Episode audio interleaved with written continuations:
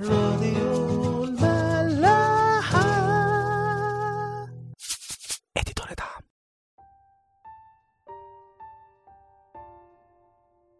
أهلا بيكم في أسبوع جديد وحلقة جديدة من برنامج عيش وملح. اتكلمنا آخر مرة عن ارتحال شعب إسرائيل وإزاي إنه كان تابوت العهد في وسطهم بس هو اللي كان بيقودهم وشبهنا ده بكلمة ربنا وإنها لازم عشان تعمل جوانا فعلا وتجيب ثمر إنها تندفن جوه قلوبنا وما نبقاش زي الامثله اللي ربنا اتكلم عليها في مثل الزارع آه، زي البذور اللي وقعت على الطريق أو على الصخر أو في وسط الشوك. لا نكون زي الأرض الجيدة ونطلب ده من ربنا دايما. هنخش النهارده في صح 11 من سفر العدد ونشوف حصل فيه إيه. هو بس قبل ما نكمل إحنا حابين نأكد إنه سفر العدد ده بالذات غير إن اسمه سفر العدد عشان بيتعد فيه الشعب هو كمان اسمه سفر البرية عشان يورينا الأحداث اللي كانت بتحصل في الأيام العادية والشعب ماشي في البرية. وبيبان بقى فيها إزاي إنه رغم خروج شعب إسرائيل من مصر بالضربات العشرة وشق البحر والمعجزات الكتير اللي ربنا عملها مع شعب إسرائيل ورغم خطية الشعب وقت العجل الذهبي وتجديد العهد مع ربنا بس برضه الأيام بتعدي وبتحصل المواقف بقى اللي زي ما نقول كده بتوري العشرة الحقيقية وبتكشف قلب الإنسان فعلا. وهو ده برضو اللي هنلاقيه في حياتنا. بنقول كلام حلو قوي وبندي وعود لربنا في ساعة تجلي بس مع الوقت بيبان فعلا إحنا كنا قاصدين الكلام ده ومأمنين بيه ولا مجرد شعارات وكلام في الهوا. الكلام ده حتى عشان نتخيله أكتر هنلاقيه على المستوى الإنساني ما بيننا وما بين بعض. مثلا ما بين اتنين بيحبوا بعض. نلاقي كلام حلو قوي كتير قوي بيتقال ومشاعر فياضة. منها اللي بيبقى حقيقي فعلا ومنها بيبقى مجرد كلام. والحاجة الوحيدة اللي بتبين صحة الكلام ده هي العشرة هي التجربة. في رسالة كورنثوس الأولى إصحاح 3 ولكن إن كان أحد يبني على هذا الأساس ذهبا فضة حجارة كريمة خشبا عشبا قشا فعمل كل واحد سيصير ظاهرا لأن اليوم سيبينه لأنه بنار يستعلن وستمتحن النار عمل كل واحد ما هو. في أول إصحاح 11 بيحكي لنا إنه مع الوقت ابتدى الشعب يتذمروا بس جواهم يعني. فيقول لنا إيه؟ في عدد واحد. وكان الشعب كأنهم يشتكون شرا في أذني الرب. وسمع الرب فحمي غضبه. فاشتعلت فيهم نار الرب وأحرقت في طرف المحل. الحتة دي هتوري لنا كذا حاجة. أول حاجة إنه حتى لو الشعب ما أعلنش التذمر بتاعه ده بس ربنا بيسمعه. ودي حاجة لينا برضو. ربنا بيسمع كل حاجة بنقولها أو حتى بنحسها وبيتأثر بيها وبتفرحه لو كانت كويسة وبتزعله لو كانت وحشة. ربنا بيسمع أي حاجة بنقولها وبيرد عليها. هنا الشعب كان ابتدى يتذمر فربنا زعل وربنا عارف إنه التذمر ده مش هيوصل الشعب لحاجة فبيبقى عايز يوقف الموضوع من أوله. ويشد ودانهم عشان يحذرهم من السكة دي. فبيسمح بنار من عنده إنها تولع في المحل بس مش في القلب بتاعها على الأطراف. عشان حاجتين اولا إنه محدش يتأذي جامد عشان أكيد لو الحريقة دي كانت في النص هتبقى مشكلة وناس كتير ممكن تتبهدل. الحاجة التانية بقى إنه يكون بعيد عن خيمة الاجتماع. عشان يفهمهم كده إنكم بعدتوا بقلوبكم عني وده اللي خلاكم تتذمروا. فخدوا بالكم وارجعوا لي وأنا هكون معاكم وهعمل لكم اللي أنتوا عايزينه وهدلعكم على الآخر. في حد بقى هيجي يسأل دلوقتي طب ليه ما حصلش رد الفعل ده في المرات اللي فاتت لما كان الشعب بيتذمر؟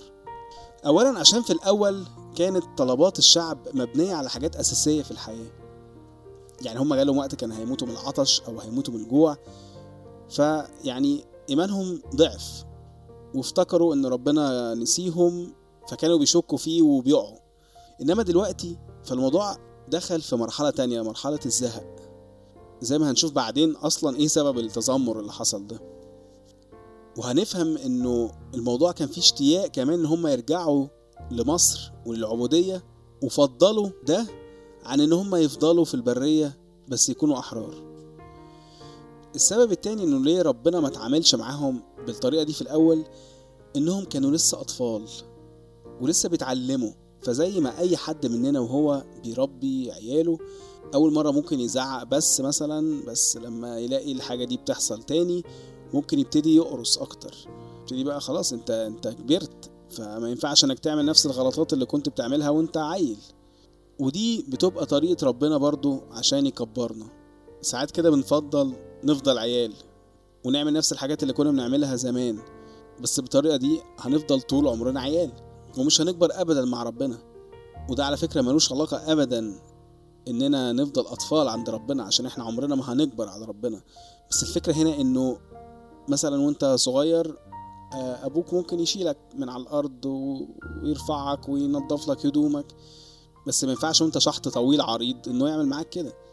لا هو عايزك بقى تكبر وتتعلم منه إزاي تقدر تشيل مسؤولية وتساعده في شغله. مش إنك تفضل عيل زي ما أنت. هنلاقي بولس بيقول كلام زي ده كذا مرة. هنلاقيه في كورنثوس الأولى صح ثلاثة آيات واحد واتنين. يقول وأنا أيها الإخوة لم أستطع أن أكلمكم كروحيين بل كجسديين كأطفال في المسيح. يعني هنا الموضوع الأطفال مش حاجة حلوة قوي إن إحنا لسه جسديين. سقيتكم لبنا لا طعاما لأنكم لم تكونوا بعد تستطيعون. بل الآن أيضا لا تستطيعون لأنكم بعد جسديون. فإنه إذ فيكم حسد وخصام وانشقاق ألستم جسديين وتسلكون بحسب البشر؟ هنلاقي كمان في عبرانيين خمسة آيات 12 ل 14 يقول لنا إيه؟ لأنكم إذ كان ينبغي أن تكونوا معلمين لسبب طول الزمان تحتاجون أن يعلمكم أحد ما هي أركان بداءة أقوال الله. يعني في الوقت اللي أنتم المفروض تكونوا معلمين بقى دلوقتي وتعلموا الناس لا أنتوا لسه محتاجين اللي يعلمكم ولسه أطفال زي ما أنتم وصرتم محتاجين إلى اللبن لا إلى طعام قوي. لأن كل من يتناول اللبن هو عديم الخبرة في كلام البر لأنه طفل. وأما الطعام القوي فللبالغين الذين بسبب التمرن قد صارت لهم الحواس مدربة على التمييز بين الخير والشر. يعني المشكلة هنا إيه؟ في التمرن في الخبرة. فعشان كده لما نلاقي ربنا بيقرص بقى ودنا لما نتذمر ده مش عشان هو غضبان بقى وازاي عملنا كده لأنه في ناس بتعمل أكتر من كده بكتير وربنا بيصبر عليهم. إنما هو بيعمل كده عشان زعلان إنه إزاي عياله يبقوا عاملين كده. عشان بيبقى عايز يكبرنا ويأهلنا إننا نكون ولاده بجد ونشترك معاه في عمله وآلامه وكمان في مجده بعد كده. إحنا اتكلمنا كذا مرة عن الحتة اللي في عبرانيين 12 اللي بتتكلم عن إزاي ربنا عايزنا نكون ولاده وما نزعلش ابدا إنه يأدبنا يا ريت لو يعني نرجع ونقراها هي من آيات من أربعة لعشرة. بعد كده الشعب طبعا بيصرخ لموسى وموسى بيصلي لهم فالنار دي بتتخمد وبتروح عنهم فبيسموا بقى الحتة اللي ولع فيها النار دي تبعيرة. مش مهم طبعا معنى الكلمة دي بالنسبة لنا بس هي أكيد ليها معنى عند اليهود. وهي التسمية دي يعني جت عشان ربنا أشعل النار في المكان ده. المهم بقى من الموضوع ده إن إحنا لازم نتعلم حاجة مهمة قوي إننا نفتكر خبراتنا مع ربنا المفرح فيها والمؤلم عشان نفكر نفسنا على طول بعمل ربنا معانا ونتعلم منه ونعلم الناس بيه. لأنه من غير عشرة حقيقية عمر ما هيكون لينا سلطان في كلامنا. المسيح نفسه كان بيتقال عليه كده إنه بيعلم كمان له سلطان وليس كالكتب. وهنلاقي بولس بقى رادد على الكلام ده في عبرانيين 2 آية 18 يقول إنه فيما هو قد تألم مجربا يقدر أن يعين المجربين. وده عشان يفكرنا إنه مهما اللي كنا عدينا فيه ربنا بنفسه عدى بيه عشان يكون حاسس بينا في كل حاجة بنمر بيها.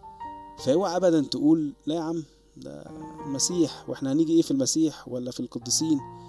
ونفضل بقى في خدعة التواضع دي على طول عاملين إننا ضعاف إننا عيال ودي حاجة مستحيلة وإحنا مش ممكن هنكون كده وإحنا أقل من كده بكتير والكلام ده كله. ده طبعا مش حقيقي لأنه هو وعدنا كتير قوي بإننا نقدر نكون زيه وإنه هيدينا السلطان ده. أستطيع كل شيء في المسيح الذي قويني. فملناش حجة بقى. وهنلاقي الكلام ده بقى المسيح قايله كتير. هنلاقي في متى 5 48 فكونوا أنتم كاملين كما أن أباكم الذي في السماوات هو كامل. يعني شوفوا المقارنة دايما. تكون كامل زي ما أبوك اللي في السماء كامل. لقى 6 36 فكونوا رحماء كما أن أباكم أيضا رحيم.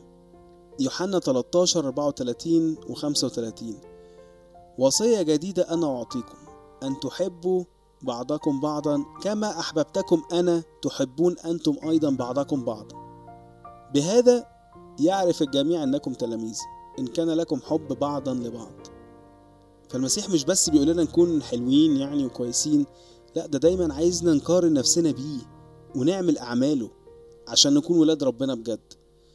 فأكيد مش هيقول لنا كده عشان يعجزنا ولا يثبتنا. ما كانش هيقول لنا كده غير لو كنا نقدر فعلا نعمل ده.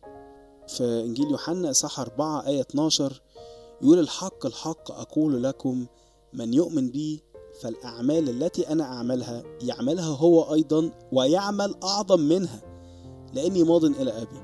يعني مش بس هعمل أعمال المسيح لا ده أنا ممكن أعمل أعظم منها كمان. يا جماعة ربنا مش عايزنا نفضل أطفال طول عمرنا. ربنا عايزنا نكبر. في كورنثوس الأولى إصحاح 16 آية 13 بولس يقول لنا اسهروا اثبتوا في الإيمان كونوا رجالا تقووا. نشوفكم بكرة. راديو ملاح. دي دنيا تا